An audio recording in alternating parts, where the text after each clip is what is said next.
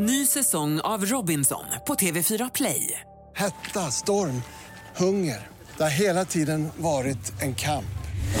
Nu är det blod och tårar. Fan händer just nu. Det. är Detta är inte okej. Robinson 2024, nu fucking kör vi! Streama söndag på TV4 Play. Trädgårdssnack. Ja, då är vi tillbaka eh, som vi har längtat, Annika Sjölin. Ja, alltså jag är så sprallig i benen. Jag är helt sprallig och Det är fingrarna. nästan så här trädgårdssläpp eller kosläpp eller på något vis. Absolut, Ja. jag känner mig som på kosläpp. Ja, jag med. Du, alltså, alltså sjätte säsongen kliver in i nu. Ja, Herregud. ja. Och vi, Tänk när blev, vi träffades för, för sex år sedan. Ja. Vi kände inte varandra och, och nu är vi som hund och katt. Ja. Hur har ditt eh, trädgårdsår så här långt 2022? För när vi skildes åt så var det jul och nyår stod Mm, och knackade för dörren och allting. Jo, det har varit eh, tämligen aktivt måste jag säga. För det har ju inte varit kallt sådär väldigt rysligt. Nej. Jag har kunnat gräva och, och plantera och faktiskt eh, vi, precis vid årsskiftet jag kom över en jättemängd lök. Tusan. alltså till pingstliljor Ja, ja, och så. Eh, för för en, en billig peng. Och så flera hundra lökar låg jag och planterade i januari. Och de börjar, några av dem att titta upp nu så jag tror att det kommer att bli jätte, jätte, jättefint. Men du, alltså, den klassiska frågan som jag brukar ställa i första programmet. Är, du har ju din tradition för alla lyssnare så är det så att någonstans där på lille julafton så, så, Taggar bru- man ner. så, så brukar du eh, sätta ett träd någonstans hemma Mm. Ja, vid. Vad ja. blev det för träd i år? Alltså det blev lite Eller senare, fjol. för, för det blev ju så Precis då var det ju faktiskt kallt Ja. eh, och snö och så. Så att det blev senare. Men jag satt prydnadsapel, en sort som heter Freja, som har röda blad, ett ganska litet träd Okej. och så eh, lite så mm, djuprosa eh, blomning och så mörkröda frukter sen. Det ska jag ha i en ny del av min trädgård eh, som jag har hållit på att projektera nu Ja. i sex år. Eh, där det har legat, du vet, mina presenningar Mhm. och täckt ut gräs och så. Så nu har jag börjat vända lite ytligt där Och bambun mår bra? Ja, den, det var lite snötyngt då. Den Ja. låg lite ner ett Ja. tag. Men ja. Och, och den andra frågan, hur går din lilla granodling mot grannen? Jo, den går också utmärkt måste Ja, jag säga. ja. Och min bebisodling utav granar och andra barrväxter. Eh, jag har ju en del i, på tomten där det står saker Mm. på tillväxt. De har nu blivit utflyttade också i vinter. Så pass. Så ska bli som en egen liten skog på tomten då. Mm. Men nu eh, så är vi laddade till tänderna, sätter nävarna i jorden i den skånska myllan där vi Ja. befinner oss. Ja. Kanske inte du som lyssnar men eh, så är det i varje fall. Vi ska börja nerifrån och sen tar vi oss hela vägen till toppen. Mm. Och nerifrån då börjar man väl nere i jorden tänker jag. ja, vi börjar i jorden. Alltså, det har ju blivit lite av en tradition att vi börjar Mm. eh, i marknivå eh, och nerifrån och upp då. Och man kan tänka sig det är uppifrån och ner också. Det Mm. beror på. Alltså man lägger ju på saker uppifrån och, och lite så. Men det vi ska fördjupa oss lite i det är livet i jorden och hur man nu som eh, glad trädgårdsentusiast kan li- få någon bild Jaha. av hur mår just min jord. Och då Det tycker jag du sa det så jäklans bra när, när, vi, när, när vi började den här inspelningen. Ja, ja. Att, att du sa det att eh, det var någon som hade frågat dig Annika, vi ska göra ett köksträdgårdsland. Hur djupt ska vi gräva? Ja, ja. Och vad svarade du då? Det kan man inte svara på, säger jag då. Och då är jag ju så provocerande som jag bara kan bli, tänker de. Eh, Men det, det handlar ju inte om att, att alla ska gräva lika djupt, utan det handlar om att du och jag ska känna till vår jord. Då gör vi det som är rätt för oss. För att om man nu tänker sig att man gräver eh, 40 centimeter, säger vi, och sen så har man ingenting, de nedersta 10 som överhuvudtaget behövs tas bort Nej. för eh, det här. Ja, men då har man grävt och gjort sig en massa omak helt i onödan. Om man gör det omvända då och bara rafsar bort lite på ytan, men man har väldigt mycket r- rotogräs och elände som man hade behövt Kvickrot ta till bort. exempel? Ja, till exempel en sån checksak. Ja. Som man kanske hade haft glädje av att få bort väldigt mycket mer för att man då hade behövt gräva djupare. Så att, att titta på sin jord och få någon slags bild av innan man svarar på det. Och när jag då säger, man kan inte svara på det, ja men, ja, men ungefär. Ja, men, åh, tar, En meter säger du då. Gräv! Nej. Och Skyttegrav! där har det ju faktiskt ändrat sig och det har jag ju också försökt att tänka i nya banor. Jag är ju van vid, eller tidigare bodde jag ju på sån styv lera där man vände jorden Klassisk skånsk ledjord. här. Precis, Ja. på hösten för att den liksom skulle slå sönder. Nu är jag ju på det omvända, men generellt sett kan man säga i trädgårdsvärlden så rekommenderar man ju mindre och mindre grävning Mm. av jorden för att man stör så himla mycket av mikrolivet och så. Så man har kommit fram till att det bästa är ju egentligen att i så stor utsträckning som möjligt inte oroa jorden. Låta det vara helt enkelt. Ja, och så lägga på uppifrån. Det är därför det är lite så uppifrån och ner eller nerifrån Ah, det är och så upp du och så. Ja. Men, men om, man, om man nu har då sin lilla Mm. nya trädgård, vi säger att vi har tagit över en trädgård, eller vi, det kanske är det absolut enklaste, så att man, man har köpt nytt hus och så ska man Mm. få lite känsla för den där jorden. Alltså, Vad är det första du tittar på? Så att du flyttar in i ett nytt hus, alltså du ska ta reda på hur mår min jord? Hur mår min jord? Ja. Då skulle jag ge mig på faktiskt att gräva. Men då har jag en grep, du vet en sån som ser ut som en Ja. gaffel eh, och sen så har jag en rejäl spade.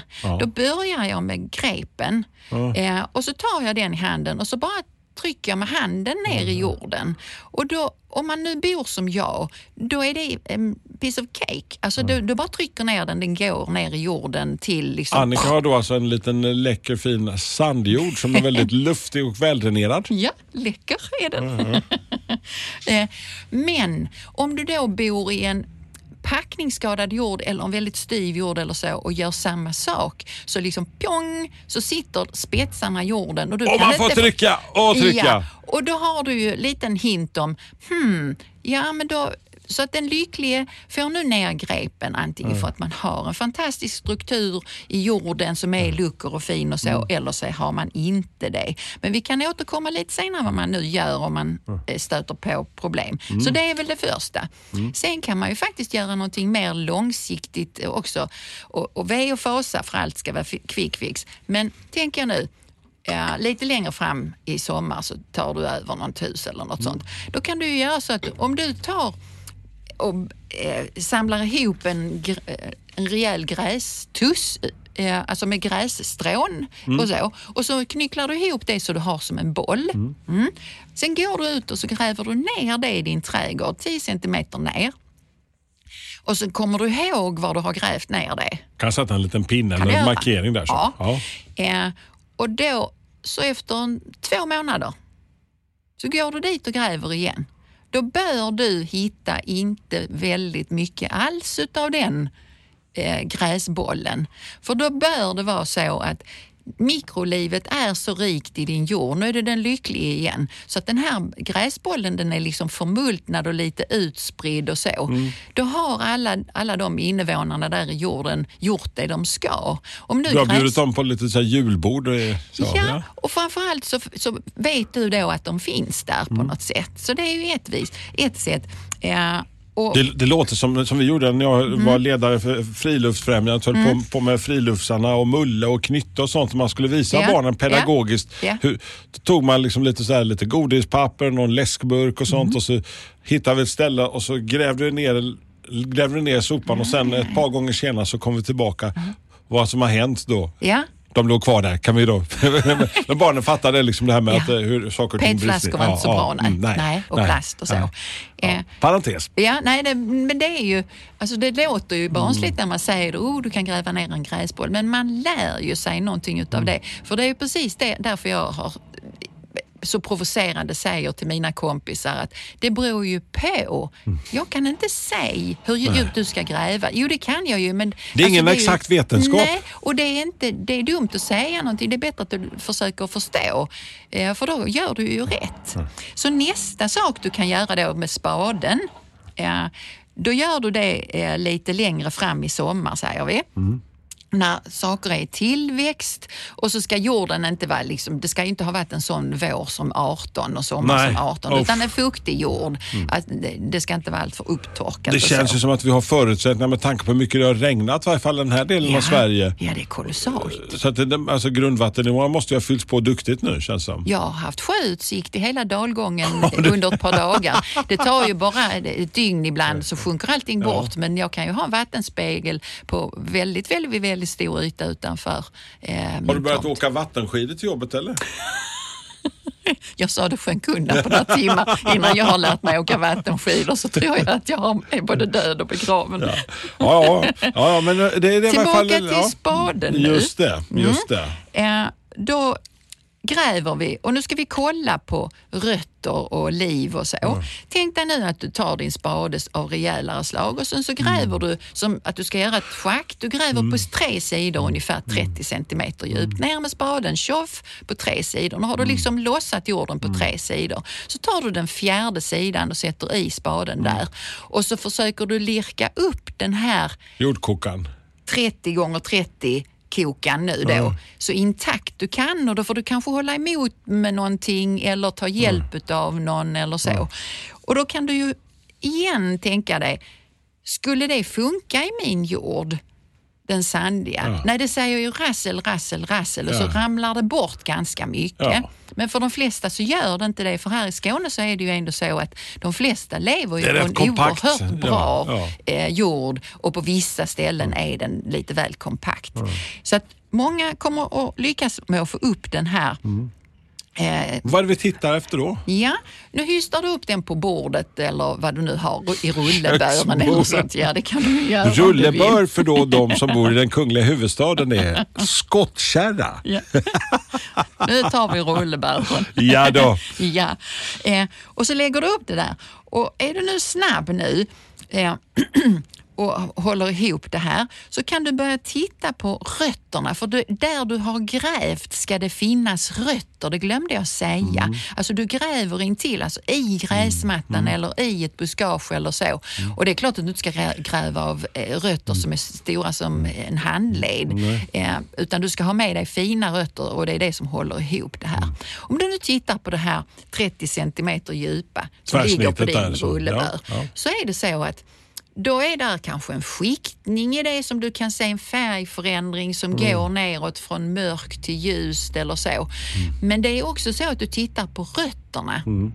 Och då bör det vara fin, alltså många eh, förgrenade rötter hela vägen ner till 30 centimeter. De får gärna gå längre men du tittar på 30 centimeter säger vi.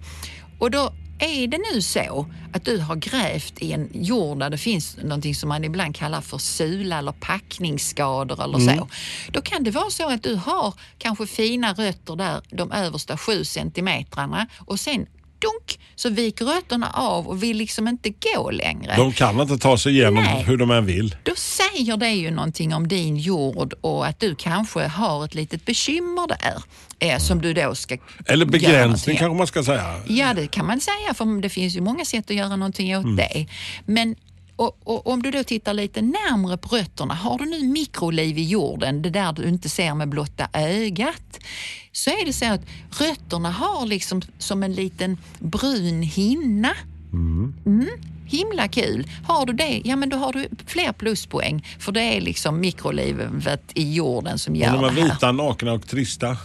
Ja, alltså det, gör det beror ju på hur de totalt sett ser ut. Så vi försöker väga samman de här Mm. olika grejerna vi nu kommer på eh, att vi kan se.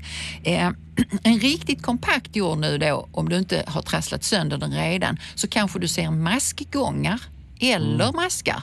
På ett sånt jordprov som vi nu har tagit upp, då borde du hitta i runda slängar tio maskar synliga för ditt öga. Bara på den lilla ytan. Då mår jorden väldigt bra. Nu är det så här att beroende på hur lång, långsamma vi är eller kvicka vi är när vi gräver upp det här och vad vi har för jordstruktur så kan ju alla maskarna ha stuckit iväg. Liksom när larmet går, du sätter spaden i jorden så, så har de försvunnit. Men i alla fall, ser du maskgångar eller liksom s- skröv... Då finns så- det lite hopp där. Ja, det finns jättestort hopp. För du vet det där med blommor och bin ju. Ja, jag har Ja, det kan ju, det. har du två så kan det ju bli fler. Det krävs ju två för att det ska kunna gå som man brukar Ja. säga. Ja. Ja, eh, så där, där är liksom eh, de fina rötterna. Om man nu tittar på strukturen i jorden och då det återkommer jag ju ofta till strukturen, vilken betydelse det har då. Så är det så att i den här fina braiga jorden, när du tittar på din jord så ska det nästan se ut som där är liksom små klumpar som är ja, i runda slängar en halv centimeter stora och som ligger bredvid varandra. Det är, det är det som man kallar för aggregat. Liksom hela mikrolivet och alla som har hjälpt dig har sett till så att du har det här. Då har du också väl, alltså syre och genomsläpplighet och den perfekta jorden. Och trots att min, jag tycker om min sandjord så är den inte perfekt strukturmässigt och det jobbar jag ju med. Medan andra får jobba med att de har en för tät jord. Men de lyckligt lottade nu kan nu sitta på, titta på sina tio maskar, sina friska rötter som inte viker av någonstans. Och en jord som ser ut som där är bara en massa men aggregat. det, det, nu pratar vi om Utopia. Om vi lämnar Utopia för en liten stund och går till verkligheten. Den Ja. trista verkligheten. Vi pratar till exempel om det där lilla jordprovet och rötterna som plötsligt inte kan åka igenom utan de viker sig snyggt i horisontalläge ett par centimeter ner. Ja, Vad göra? ja. Ja, där fick du något att bita i. Ja. Den väldigt, väldigt mycket bästa eh, lösningen på otroligt mycket som har med jord att göra, det är att tillföra humus. Alltså nedbrutna växtdelar. Okej. I vilken form det än är. Eller växtdelar som är Luk, på väg. helt enkelt. Ja, vad som helst. För det är det som behövs till för att den här jorden ska må bättre då. Mm. Så den som inte är så lyckligt lottad men som vill bli mer lyckligt lottad eh, ska lägga på så mycket de kan. En sak till kan vara av intresse innan vi går vidare med det, vad man kan lägga på och så. Det är ju, vi har pratat eh, någon gång tidigare om ett dräneringstest. Ja, just det. Ja, vi tar det lite kvickt där också, för då ska du ha spaden igen. Och så gräver du en grop 60 centimeter i diameter, 30 centimeter djup och så häller du i, fyller den gropen med vatten. Just det. Och sen Just får du det. låta det stå och se hur lång tid det tar innan det... Ja. Eller Och- om det överhuvudtaget. Precis, om det överhuvudtaget. Eh, då är det ju så att om man har eh, en sån som jord som jag, då försvinner det nästan genast. Så att mindre än 10 minuter och det är borta, då har man sannolikt en sån struktur på jorden, alltså åt det sandiga hållet. Kornstorleken är så stor så att det liksom bara rupp, så rutschar det igenom. Eh, det är därför en hel sjö utanför mig kan försvinna eh, på ingen tid för att det dränerar undan. Eh, har man nu inte det så kan man ha det omvända. Om nu vattnet står kvar alltihopa efter en timme, eh, då är det, då är det liksom blött. Då kan det ju bero på olika saker. Det kan ju bero på packningsskador, men att man i övrigt på andra ställen i trädgården har en bättre jord eller så. Så det får man väl liksom lista ut lite grann. Ett poddtips från Podplay. I fallen jag aldrig glömmer djupdyker Hasse Aro i arbetet bakom några av Sveriges mest uppseendeväckande brottsutredningar. Går vi in med hemlig telefonavlyssning och, och då upplever vi att vi får en total förändring av hans beteende. Vad är det som händer nu? Vem är det som läcker? Och så säger han att jag är kriminell, jag har varit kriminell i hela mitt liv men att mörda ett barn, där går min gräns. Nya säsongen av Fallen jag aldrig glömmer på Podplay. Men är det inte så att med, med, med vattnet, om du har, den, har, eh, har du de här packningsskadorna som gör att vattnet står, kommer inte vattnet eh, naturligt som det alltid gör söka sig till de svagare punkterna någonstans liksom, De där lägsta. kan, ja, där det kan rinna undan även om det tar lite tid? Jo, eh, jag tror, alltså jag har ju inte gjort några liksom, vetenskapliga studier på detta, men om du tänker dig att du har en kompakt lerjord, då är den ju så oerhört fin så att man kan ju fodra en, fodra en damm med eh, lera och få vattnet till att stå kvar där hur länge som helst utan att det försvinner. Men i de flesta jordar, visst, det faller ju mot den lägsta punkten och så. Sen hur lång tid det tar eller om det är så att det faktiskt går upp i, åt luften istället, att det förångas, ingen aning. Men har man för mycket vatten stående så kan man ju lista ut att är det så, då behöver man göra någonting åt det för att växterna överhuvudtaget ska kunna bo i den jorden då. Så humus då, där är ju det där med det tråkiga med mig igen, att jag säger då finns det inte någon quick fix. Nej. Nej. Vad Men, men å andra sidan, alltså, man tänk på att det vi gör i det här programmet nu, Mm. det, här, alltså, det har du igen längre in på växtsäsongen. Vi sätter scenen, vi gör Mm. fonden som, eh, som hela den här Mm. trädgårdssoppan ska bygga på på något vis. Va? Trädgårdssoppa. Var ordet ja. Ja. Om man nu har väldigt, väldigt bråttom eh, så kan man ju i vissa lägen göra lite åt kvick kvickshållet. Då köper man helt enkelt massor med komposterad kogödsel och eh, kanske planteringsjord eller någonting sånt där. Man kan göra upphöjda bäddar på den du nu sa, de olyckliga som kunde gräva tre centimeter och sen var det packningsskador. Om man med en sån jord ändå vill odla men inte har möjlighet eller har lust eller någonting att gräva så kan man ju lägga ovanpå en sån jord, alltså det här typ pallkragsodlingen, tänk på den i alla möjliga olika former. Så att man höjer upp planteringar och så genom att lägga på. Då kommer ju jordelivet hjälpa en på sikt genom att bearbeta det här och det blir bättre och bättre. Så ju mer humus, om det är eh, kor som har ätit gräs och, och skitit ut det spelar inte så stor roll. Eller om det är du som har klippt din gräsmatta och lagt ut gräsklippet där du vill ha det. Det förmultnar ju. Eller om det är du som har ätit gräs. Nej men du ska väl ändå inte... Nej, det kan vi visst ha. Ja. Då är det ju så att jag spar ju på allting. Ja. Då har jag ju inte brott i livet kan Nej. jag säga. Utan nu sparar jag ju på allt som är möjligt att lägga ut i trädgården. Jag slänger ju ingenting. Ja, utan då, då är det så att då ligger det i bokashi-hinkar och är det så att bokashi-hinkarna blir fulla och det blir de naturligtvis om jag inte kan gräva ute, då har jag mellanlagring på bokashin och sen kan jag hälla ut det. Allt luk och sånt sånt läggs ju direkt bredvid där jag är. För att det ligger, alltså, även om du lukar någonting, nu lukar du kirskål säger vi.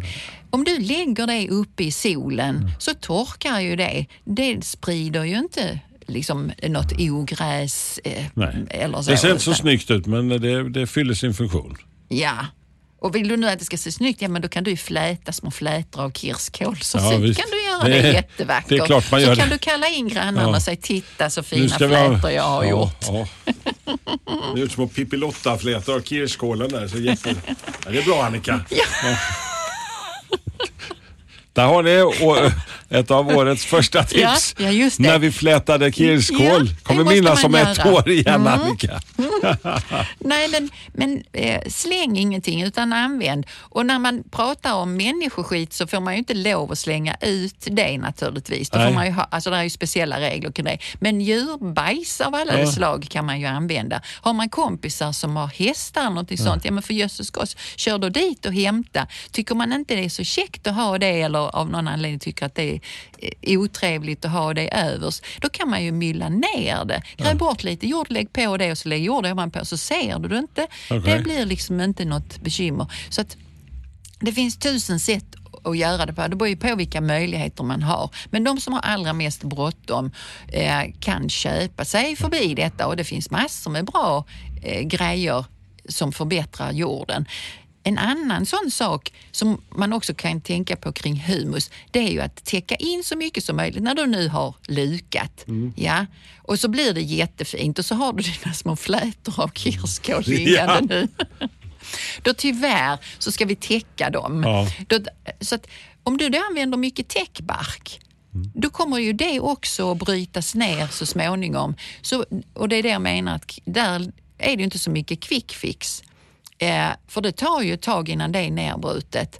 Men det är ju väldigt, väldigt bra. För du lägger ju en grund som du kan ha, kommer ha glädje av i all framtid. Och Exakt. sluta aldrig lägga på eh, olika slag av humusaktiga saker. Eh, utan det får man fortsätta med. Men sker det i alltid. början på säsongen hos dig eller är det lite löpande? Alltid. Alltid gör jag det. En liten lagom boost med näring Mm. Ja. året om.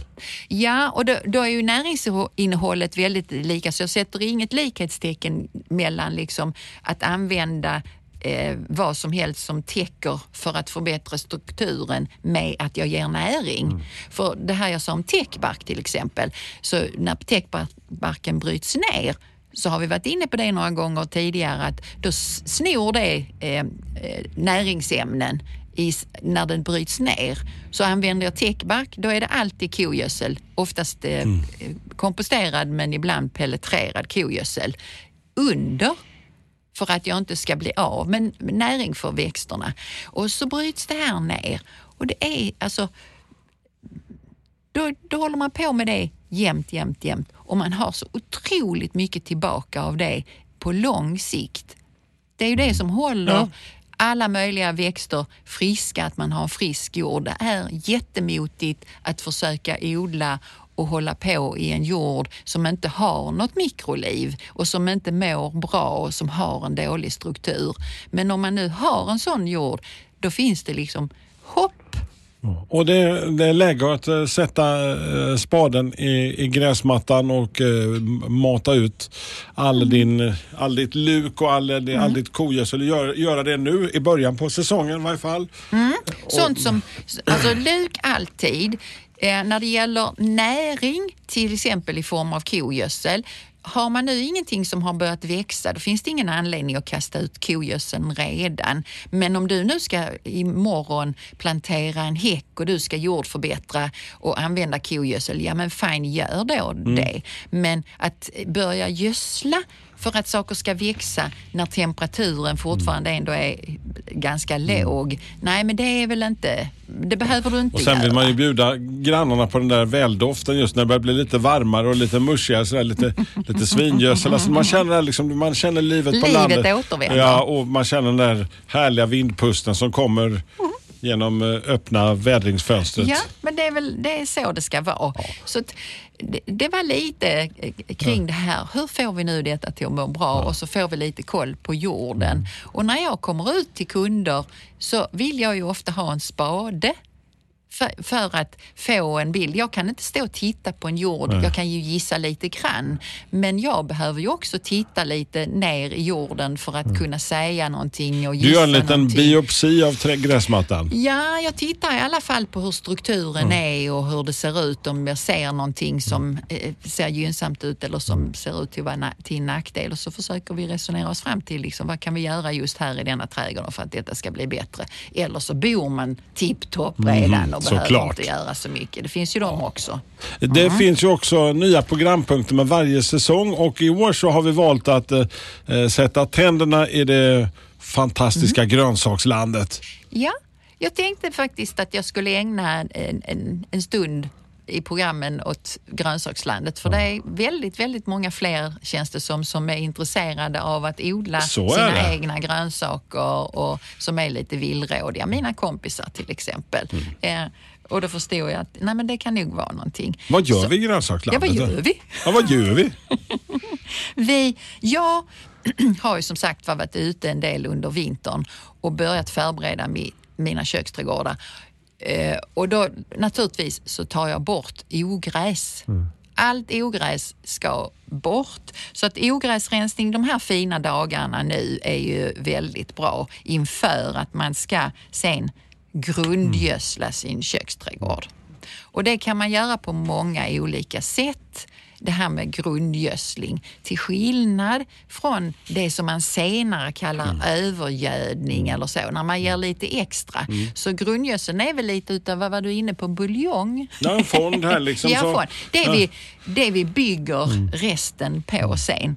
Ja, och då kan det vara olika saker man använder i sin köksträdgård och beroende på vad man har för jordar och, och, och så. Men eh, har man tillgänglig kompost, då är det inte så mycket näring i det, men definitivt ska det ju grävas ner. För min del innebär det att jag hela vintern har grävt ner bokashi i köksträdgården just. Eh, så där kan man ju göra olika saker. Kogödsel eh, kan man absolut använda. Eh, man kan använda vedaska. Eh, och har man egen spis och eldar med vettiga saker, då är max en deciliter vedaska per kvadratmeter. Och den bara gräver man ner och mulchar ner. Ja, man kan liksom mylla ner eh, det. Då har man eh, så obe- oberoende vad man nu eh, strösslar ut så är det ju tanken att det ska vara lite. Så Vilket innebär att då använder jag inte hönsgödseln nu. Jag har ju höns ju och det är många som köper eh, hönsgödsel. Eh, för den är så himla snabb. Det är det där eh, quick fix målet liksom som man använder kanske lite senare som sån övergödning när det växer som sjutton. Ja, ja, ja, och man då behöver ju plantorna kanske mer mat. Eh, nu gör vi liksom det som ska vara lugnt och coolt och vara länge och så. Eh, och sen Nästa sak som jag gör när jag har rensat ogräset eh, och myllat ner min gödsel så får den ligga där ett tag för snart börjar jag ju så då. Alltså det som går direkt så. Det är ett tag till men, men eh, icke desto mindre. Så rensar jag också ju i sånt som är parent, alltså som står där varje år. Om det är blåbär eller det är andra bärbuskar eller det är sparris eller något sånt. Och så strösslar jag på pelletrerad kogödsel eller eller komposterad kogödsel, myllar ner det och sen ett rejält täckbarkslager. Och låta dem få lite eh, ro Ja. de kalla dagarna. liksom. Så. Så är det ju så att då har jag ju rensat bort ogräs, lagt på. Nu slipper jag ju rensa där på väldigt lång tid. så det har du igen, det du gör nu. Det är lättare Ja. att, att luka just nu. och Ja, det är ju lättare, det är ju mindre ogräs. Jag lägger på en ogästvänlig eh, täckbark. Eh, där inte ogräs som fröar sig har så lätt för att sätta ner fötterna och, och växa där och så. Så då gör jag ju någonting som går väldigt mycket fortare nu än om jag väntar med det tills eh, det växer upp till anklarna och jag ska liksom in där och ligga och, och, och så. Så allt jag gör, gör jag ju för att jag är lat. Eh, alltså jag gör det på enklaste Man kan inte sättet. tro att du säger liksom att det finns i samma, så att du är lat. Så, men, Jo, men det är jag. du, men du, Så, eh, ja, så det, det håller jag på med. Sen försöker jag ju täcka även andra ställen. Låt oss säga nu du har ett jordgubbsland. Mm. Ja, men då kan man lägga eh, alltså bara duk där. Alltså markväv Mm. eller så. Jag använder någonting som heter Mypex. Mm. Och med lite tur kan man få tag i det. Då finns det på rulle, man kanske kan köpa det i metervara eller så. 50 centimeter bred. Perfekt att lägga mellan gångarna. Då behöver du inte heller jobba så mycket mer sen. men plockar du bort den sen efterhand? Ja, den plockar jag alltid bort över vintern. För att, eh, så, Men sen under själva växtsäsongen får den ligga kvar där ute? japp, japp. Då behöver jag inte rensa Så i då bara jordgubbslandet. ryster du av den och hänger upp den i förrådet? Ja, och Mm. i år har den inte ens landat i förrådet. Där var jag också lite lat. Det blev lite för kallt. Ja, men, men i alla fall, de blir ihoprullade. Mm. Jag använder mycket sånt. Så vi har ägnat lite tid här nu Ja. liksom att förbereda vårt grönsaksland Ja. som vi ska dyka ner i djupare här sen. Ja, vad det händer i olika saker Precis. i grönsakslandet. Vi försöker också hitta lite nya spännande saker att eh, lära känna i det här Ja, programmet. ja. Och eh, då är frågan, vem ska vi bli närmare bekant med idag? En, en fikus. En fikus Ja. var det ja. Karika. Ficus carica. Ja, alltså, ibland kan det vara bra att ha koll på de vetenskapliga namnen, men det är inte alls nödvändigt alltid. Men tänk er nu att nu vill ni ha en fikus och så har man plockat med sig en fikus från något ställe eh, någonstans. Eh, Ja, någon stickling från när man var i Egypten eller så. Då är det inte säkert att just den fikusen kommer att ge någon frukt här för att den är beroende av en specifik pollinatör som inte finns här då. Och det är ju lite tråkigt, men man kan säga att på Flyinge plantshop så har vi nu eh, olika sorters fikon och de är ju sådana fikon som vi faktiskt kan få skörd av med lite tur. Eh, Är det de som kallar Bornholmsfikon eller? Mm, det finns fler faktiskt. Eh, om vi ska säga några sorter så är ju Bornholm ett. Det finns ett som heter Rösnäs. Det är en gammal favorit också. Ja, och sen har vi en sort som heter King. Och sen så, eh, och med lite tur nu så kommer vi också ha, i alla fall ha möjlighet att ta hem, det finns en lite nyare sort som heter Little Miss Figgy. Tycker jag är lite det var lite, lite roligt. Little Miss Figgy. Eh, det kan man ju lägga på minnet. För det är en skillnad på de här då.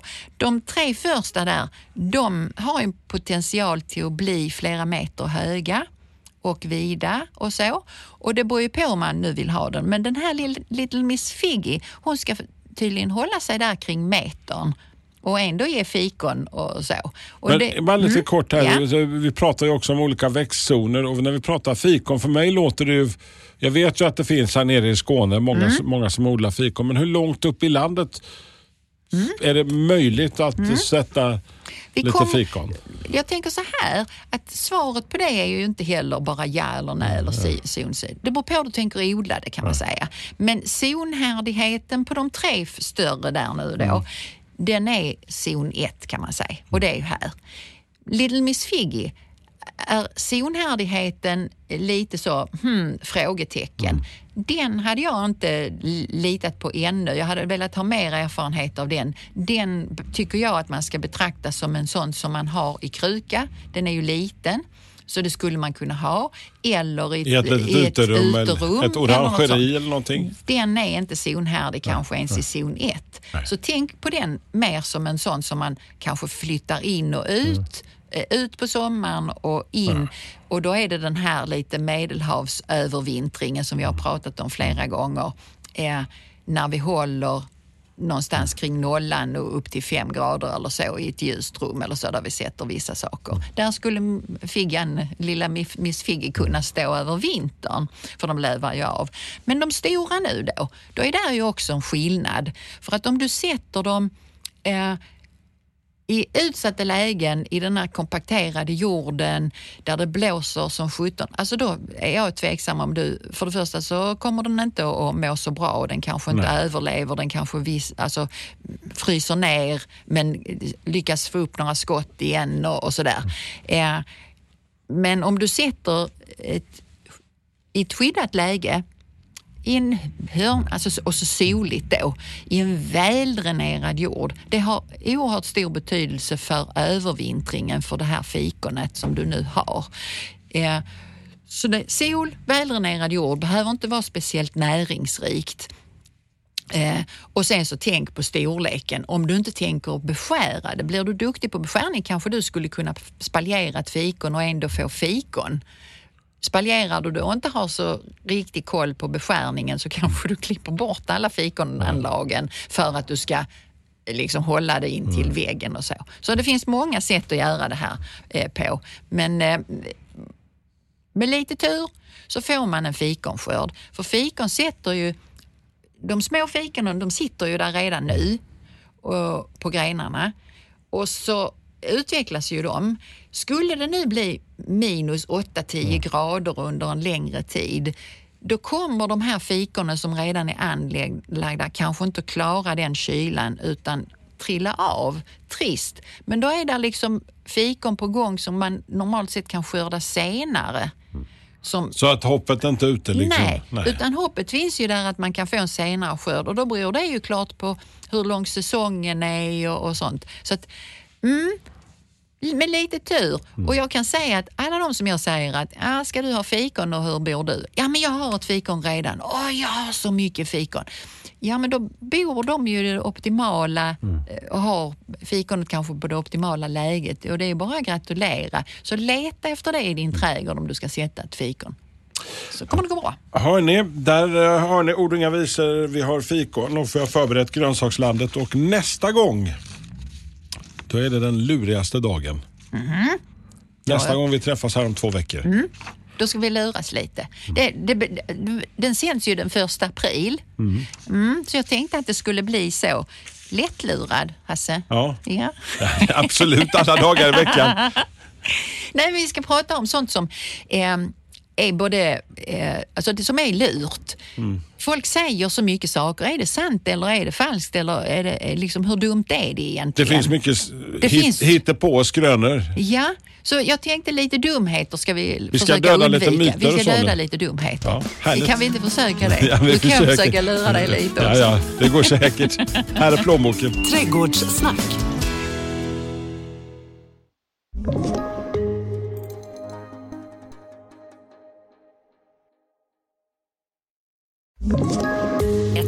Poddtips från Podplay. I podden Något Kaiko garanterar östgötarna Brutti och jag, Davva, dig en stor dos skratt.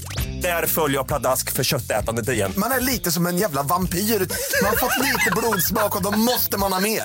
Udda spaningar, fängslande anekdoter och en och annan arg rant. Jag måste ha mitt kaffe på morgonen för annars är jag ingen trevlig människa. Då är du ingen trevlig människa, punkt. Något Kaiko, hör du på Podplay. Därför är gardinerna.